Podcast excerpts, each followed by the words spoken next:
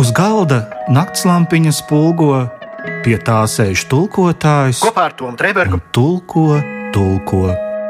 Cienījamie lasītāji, Etīdes par literatūru kopā ar dzinieku Tomu Trēbergu un rakstnieku Svenu Kusminu Paldies jums! Trešdienās, 15.35.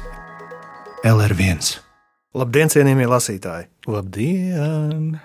Nu, šodien, cienījamie lasītāji, mums ir, es gribētu teikt, ļoti ziemīga grāmata, vairāku iemeslu dēļ. Pirmkārt, jau iesējums ir balts, un arī mūsu ziema ir balta, salīdzinot varbūt ar iepriekšējiem gadiem, kad varējām risināt dažādas pārdomas par globālo sasilšanu un to, ka peļķes un smiltis ir daudz vairāk nekā sniega kupenes. Nu, šoreiz mums, man liekas, par ziemu vairs šādu pārdomu nav, jo viņa ir ļoti dziļa. Arī ainaviski. Reizē, kad pie mums ciemojās tulkotājs Dens Dimiņš, viena no tām grāmatām, kuru viņš bija paņēmis līdzi savā tulkotāja mugursomā, bija grieķu dzēnieka Konstantīna Kavafja Grā, grāmata dzēja. Grāmata dzēja. Grāmata ar nosaukumu dzēja. Bet ar Kavafi, nu, ar viņu nav tik vienkārši, jo viņa dzējas kopumā tādā kopējā dzīslas blokā, kas sastāv no, ir pat precīzi izskaitīts 256. Man liekas, jā, ka tur bija kaut kas vairāk ar uh, ciparu 137. Tas bija kā reizes kanāns, ko viņš pats ir atzinis, mm -hmm, bet bija 200 ar kaut ko. Jā, interesanti, ka tu piemini šo kanāna aspektu. Viņš atzina 153.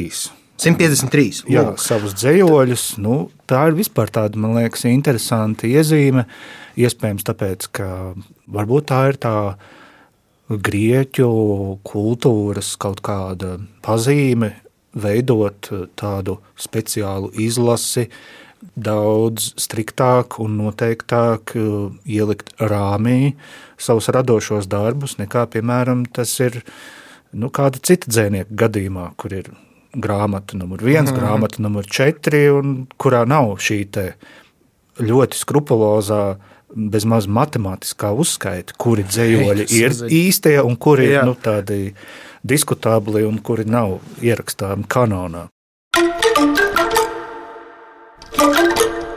Konstants Kavafis ir nu, tāds pasaules pilsonis, laikam, varētu teikt, ļoti lielā mērā. Dzimis viņš ir Aleksandrijā 1863. gadā. Paldies! Jā, un viņš ir dzimis tādā ļoti respektablā, buržuāziskā, var teikt, lielrūpnieku ģimenē, kas pēc tam dažādu vēstures notikumu iespējā ir pārcēlusies uz Lielbritāniju. Jā, turīgā kokvilnas magnāta ģimenē. Kokvilnas magnāta, nu, pasties, cik skaisti. Tu piedzimsti kokvilnas magnāta ģimenē un skaiti savus dzējoļus. Un man liekas ļoti jauki, ka šīs grāmatas vienā no diviem priekšvārdiem šī priekšvārda autors Ojārs Lāns pieminēja arī to, ka, ka Vafis ir strādājis par tādu ierēdni, kantorī, par tādu klusu un neuzkrītošu, nu, tādu biroju cilvēciņu.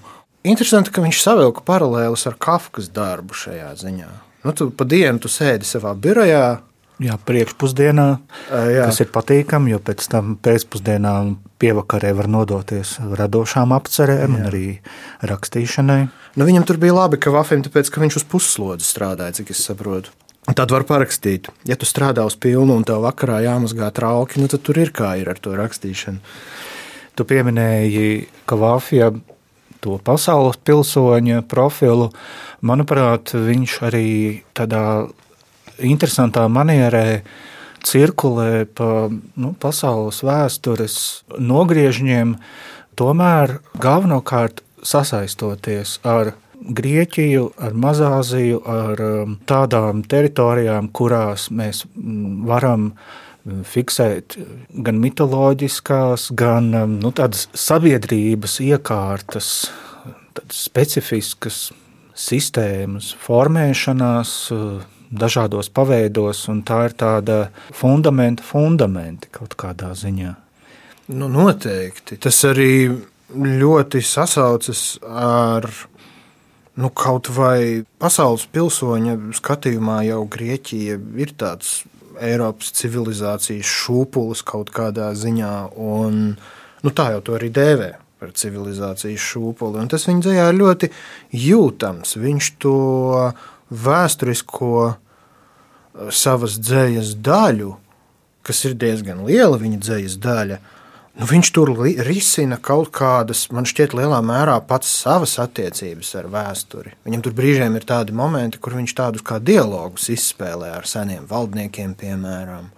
Un var jau būt, ka es savas vēstures nezināšanas dēļ to uztveru kā viņa dialogu ar šiem valdniekiem. Iespējams, ka viņš ir nodarbojies ar tādu kā vēsturisko rekonstrukciju. Nu, pilnīgi precīzi, jo viņš arī pats ir uzsvērs, ka nocitēšu vienu viņa mm, atziņu, ka es esmu vēstures dzēnieks. Es nekad nevarētu uzrakstīt romānu vai lugu, bet es dzirdu, kā manī runā 125 balsis un apliecina, ka vēsturi es varētu uzrakstīt varētu. Viņš ir tik pieticīgs, viņš to ir izdarījis ļoti lielā mērā. Vai varu nolasīt vienu no viņa vēstures uzrakstīšanas piemēriem? Lūdzam, lūdzam. Šis man īpaši spēcīgi aizķēra. Viņam ir pa gadiem sadalīts, un man šķiet, ka tam ir diezgan liela nozīme pieminēt gadu šajā konkrētajā gadījumā. Ne visiem dzīsniekiem tas tā ir, bet šim konkrētajam noteikti tā ir. Šis ir no 1904. gada. Tā tad laikam pirmais viņa dzējoļu laidiens. 4. vai 5. viņš laikam izdeva pirmo. Nu jā, agrīnais, vienmēr sakot. Varam arī iestudēt nelielu radioteātrī etīdi un lasīt lomās šo dzējoli. Opā! Mēs attaisnojam vārdu etīdes mūsu raidījuma nosaukumā. Labi. Beidzot. labi, labi. Kurš tu būsi? Tu būsi tas, kas sludina barbaru ierašanās? Nu, es domāju, ņemot vērā, ka tomēr pirmais impulss nāca no tevis šī dzējoļa sakarā, tad to arī esi uh, dialoga dalībnieks. A. Labi. Barbarus gaidot. Ko mēs šeit laukumā sapulcējušies gaidām? Šodien paredzēta barbaru ierašanās. Kālap gan senātā valda tāda bezdarbība, kāpēc senatori sēž un nepieņem likumus? Tāpēc, ka šodien ieradīsies barbari. Kādus vairs likumus pieņems senatori, kad atnāks barbari, tad lems. Kāpēc patvaldnieks ir piecēlies tik agri un nopietni apsēdies tronī pilsētas galvenajos vārtos, uzlicis galvā kroni? Tāpēc, ka šodien ieradīsies bārbari, un patvaldnieks grib sagaidīt un pieņemt viņu karavadoni. Viņš, protams, tam sarūpējas un grasās pasniegt pergamentu. Tajā sarakstīti daudzi tituli un vārdi.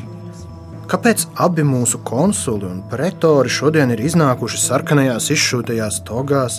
Kāpēc tie valkās prādzes ar tik daudziem ametistiem un gredzenus ar spožiem, mirdzošiem smaragdiem? Kāpēc tie šodien paņēmuši līdzi vērtīgus spieķus ar smalkām sudraba un zelta inkrustācijām? Tāpēc, ka šodien ieradīsies barbari un šādas lietas viņus apžēlbina.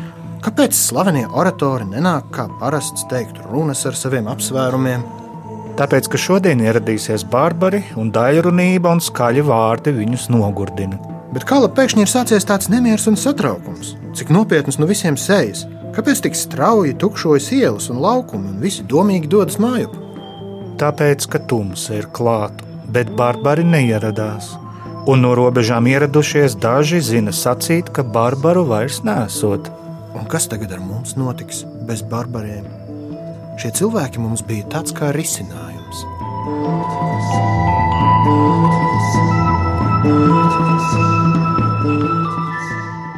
Redziet, te ir liekas, interesants motīvs ar to ārējo ienaidnieku.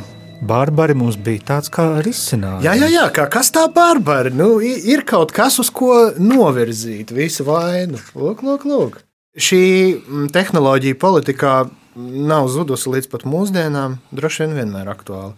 Cienījamie lasītāji, šodien mēs lasām Konstantīna Kavafija dzējas korpusu, kuru latviskojas Dens Dimiņš ne eh, bez plaša konsultantu un palīgu pulka, eh, jo nu, jā, šī valoda ir pietiekami paģēroša, lai tajā vajadzētu meklēt apstiprinājumus arī ar kolēģu pieredzes papildinājumiem. Un, Sven, tu mūsu iepriekšējā sarunas gaitā pieminēja to, cik Kavafis ir pieticīgs. Uh -huh. Man šķiet, ka tas arī ļoti interesanti parādās tajā viņa rakstniecības selektivitātei, vai tajā, nu, cik viņš ļoti tiešām paškritiski ir uh, vērtējis savu veikumu, jo, piemēram, mūža otrajā pusē viņš krietni samazināja savu publicēšanos, un pēc uh, dzēnieka nāves mm, viņa rakstām galda atvilknēs mm, atrada vairākus gan stāstu, gan citu tekstu uzmetumus. Viņš rakstīja piezīmes par mākslu un dzeju, kā arī dienas grāmatas, arī daļa no tā angļu valodā. Nu jā, un uh, arī atvilknes literatūra šeit parādās zināmā mērā. Atvilknes literatūra, un kā jau Dēns mums iezīmēja, arī samizdāts. Jo, nu, tu saki, viņš samazināja publikācijas apjomu, bet viņam arī dzīves laikā nebija tādu grāmatu šā vārda klasiskajā šī brīža izpratnē. Viņš tādas burtnīciņas izdeva, izdalīja draugiem paziņām, tur cik simts vai divsimt laikam bija viņa lielākais eksemplāru skaits. Bet, zini, es domāju, nu kā, ja viņš ieliek, tas tāds minējums, protams, no manas puses, bet man liekas, viņš tā baigi nenodala tādu kaut kādu globālo vēsturi no personiskās vēstures. Jo viņam, cik vēsturisks notikums viņam ir šie barbari, par ko mēs pirmīt lasījām, tikpat vēsturiski viņam ir vienkārši iešana pa ielu un paskatīšanās uz savas bērnības māju. Un, ja tu skaties uz sevi vēsturē, šādā leņķī, nu, vispār cilvēks var sajusties ļoti, ļoti maziņš tādā veidā uz sevi skatoties. Nu, tāds puteklītis visā tajā vēstures notikumu virpulī ar savām bērnības mājām un visu, kas tajās ir noticis. Un Tu esi tāds maziņš puteklītis vēsturē, tu strādā birojā. Nu, tā ir tāda pieticības definīcija kaut kādā ziņā. Nu, kuru vēl pieticīgāku dzīvi var iztēloties? Viņš arī ir bijis, cik es saprotu, diezgan noslēgts tādā sociālā ziņā, bez vajadzības, nav kaut kur sevišķi daudz blandījies apkārt un tam līdzīgi. Nu, tāds kameras formāts. Nolasījuši dzējoli ar nosaukumu Pirmais pakāpiens, kurā tiek risināta tēma par rakstīšanu kā arodu, kā īpašu personības konstitūciju kaut kādā tā. Nu, tur ir ļoti piepacelti termini jālieto. Jā, jā, jā godprātīgs tāds arodnieka kodeks. Mēs atkal esam atzīmējuši vienu un to pašu. Es skatos, nu, nu, tur. Dzējolis eh, pirmais pakāpiens, kurš rakstīts 1899. gadā.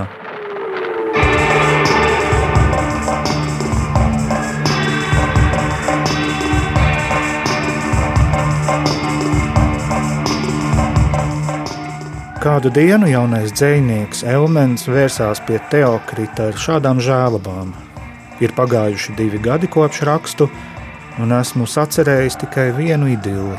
Tas ir mans vienīgais pabeigtais darbs, vai es redzu, cik augstas, cik ļoti augstas ir poēzijas kāpnes. Es stāvu tikai uz pirmā pakāpiena, un augstāk netikšu nekad es nelaimīgais. Teokrits teica, Šādi vārdi ir nepiedienīgi un zaimojoši. Lai arī tu stāvētu uz pirmā pakāpiena, tev jābūt lepnam un laimīgam. Kur esi nonācis, nemaz nav maz. Tev lielu godu dara paveiktais. Un pat šis pirmais pakāpiens ir krietni virs vienkāršiem prātiem. Lai vispār šīm kāpnēm tuvotos, tev jābūt jau pilntiesīgam ideju pilsētas pilsonim. Vien retajam un ar grūtībām izdodas tikt pie tās pilsonības. Agorā tu sastapsi likumdevējus, ko laimes meklētājam neapmānīti. Kur esi nonācis, nemaz nav maz. Tev lielu godu dara paveiktais.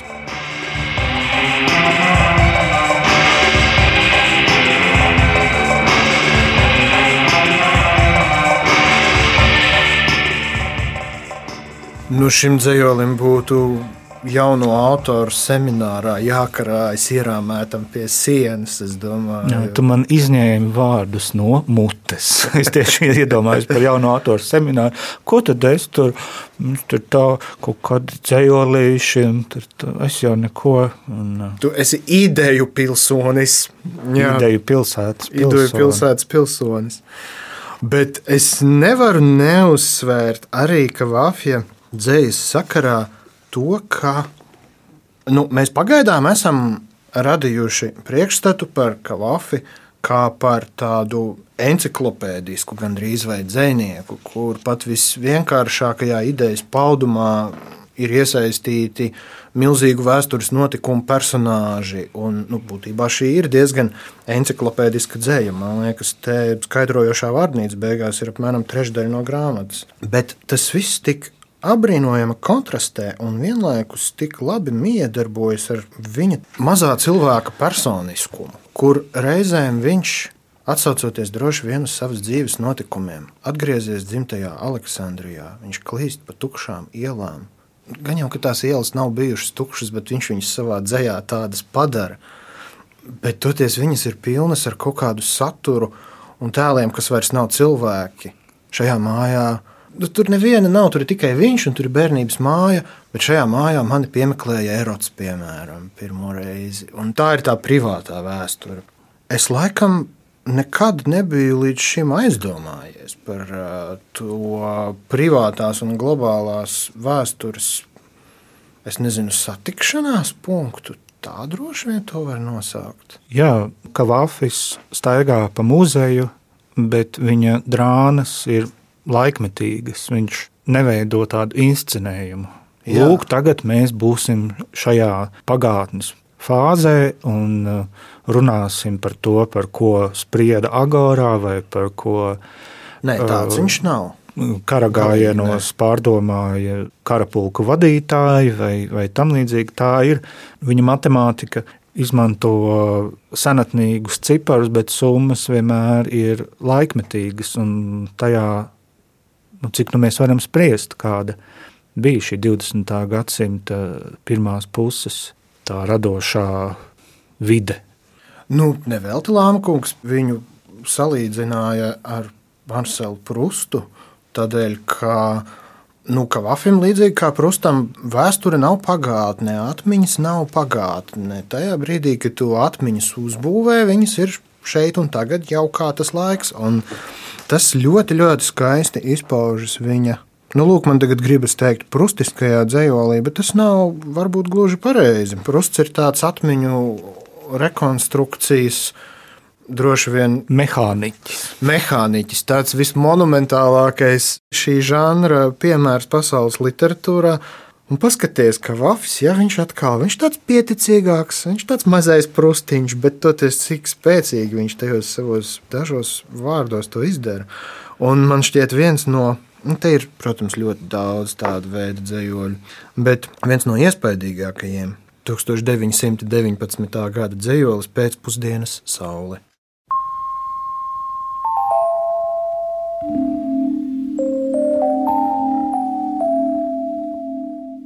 Cik labi es pazīstu šo istabu. Tagad to izīrē tāpat kā blakus istabu, kā veikala telpas, pa māju izplatušies mākleru un tirgoņu un sabiedrību biroji. Ak, cik pazīstama ir šī istaba! Šeit pie durvīm bija dīvāns, tām priekšā turku tepiķis, līdzās plaukts ar divām dzeltenām vāzēm. Pa labi, ne pretim spoguļskapis, vidū galds, pie tā tika rakstīts un trīs lieli pīti krēsli. Pie logas stāvēja gulta, kurā tik bieži mīlējāmies. Šīs nabaga lietus vēl kaut kur mētājas. Pie logas stāvēja gulta, pēcpusdienas saule to skāra tikai līdz pusē. Pūksteni četros pēcpusdienā mēs šķīrāmies tikai uz nedēļu. Ak, vai šī nedēļa kļuva par mūžību?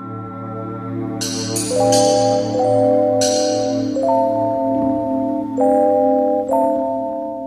Konstants Kavafis visu padara par mūžību, tāda sajūta.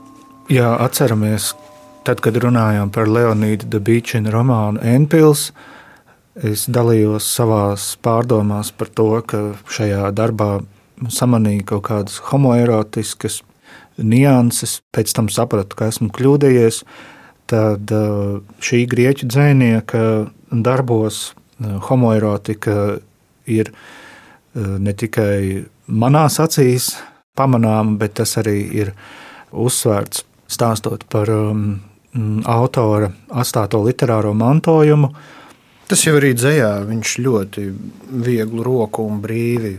Jā, un tas man arī atgādina Pierre Luisa dzējoļu kopu Bilitīs dziesmas, kas savukārt ir par Sapfo un, un viņas šo arī grieķisko Odiseju mīlestības daudzveidīgākajās plāksnēs, gan tā mīlestība, kura ir mūsu ilgu un pārdomu mudinātāja, gan arī tā ķermeniskā un saplūstošā mīlestība, un arī Kavafim šīs divas dimensijas ļoti, manuprāt, tādā smalkā līdzsvarojumā pārmijas. Tur ir gan šī ilgošanās eh, dimensija, gan arī tas sadzīviskais saķeres kaut kādā ziņā jā, jā, jā. moments, nu, ka tā ir Mēs esam, protams, kā jau arī iepriekš minējām, šīs ideju pasaules iedzīvotāji, bet mēs arī esam šie siltie ķermeņi, kuri miedarbojas.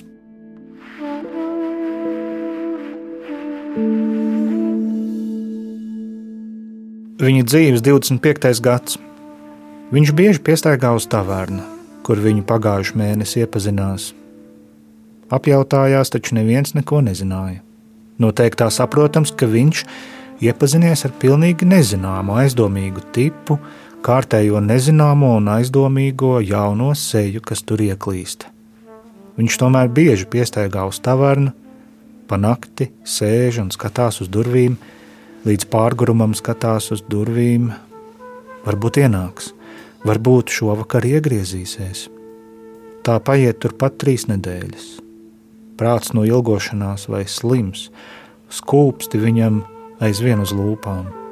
Nepārtrauktā iekārē cieš visa miesa, tā izjūt svešā miesas pieskārienu un vēlreiz vienoties ar viņu augstu. Viņš cenšas to neizrādīt, tas skaidrs, bet reizēm viņam ir gandrīz vienalga. Turklāt viņš zina, ar ko riskē. Viņš domas nemainīs. Lai arī savu dzīvi visticamāk ar postošu skandālu izpostīs.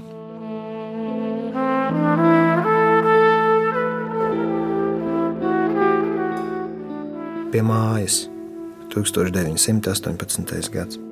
Vakar klīzdams pa nomaļu kvartālu nonācu pie mājas, kurā pavisam jauniņš bieži iegriezos. Ar savu brīnumaino spēku tur manu augumu uzveica erots. Un vakar, kad nostaigāju to pašu veco ceļu, mīlestības burvība uzreiz izskaistināja veikalus, ietves, akmeņus, un sienas, un balkonus un logus, neatstājot it nekā neglīta. Un, kad stāvēju un aplūkoju durvis, es stāvēju un vilcinājos pie mājas, visa mana būtība izstaroja saglabāto juteklisko saviņojumu.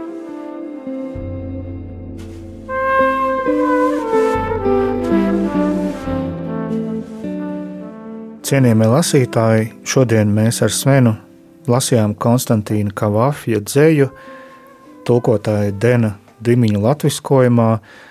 Interesanti nianses, starp citu, Kavafis ir dzimis 1863. gada 29. aprīlī, un, un pēc 70 gadiem tieši tajā pašā datumā arī šķiras no šīs pasaules. Nu, tā arī, ja mēs varam izmēģināt, kā būtu cilvēka dzīvi salīdzināt ar dzējoli, nu, vai tā nav viena grandioza gradzenveida kompozīcija. Ko... Jā, lūk, lūk, tiekamies ar jums jau nākamreiz. Visu labu! Uz galda naktslampiņa spulgo, pie tā sēž tulkotājs. Kopā ar Tomu Trēbergu tulko, tulko. Cienījamie lasītāji, etīdes par literatūru kopā ar dzinieku Tomu Trēbergu un rakstnieku Svenu Kusminu. Paldies jums! Trešdienās, 15.35. LR1.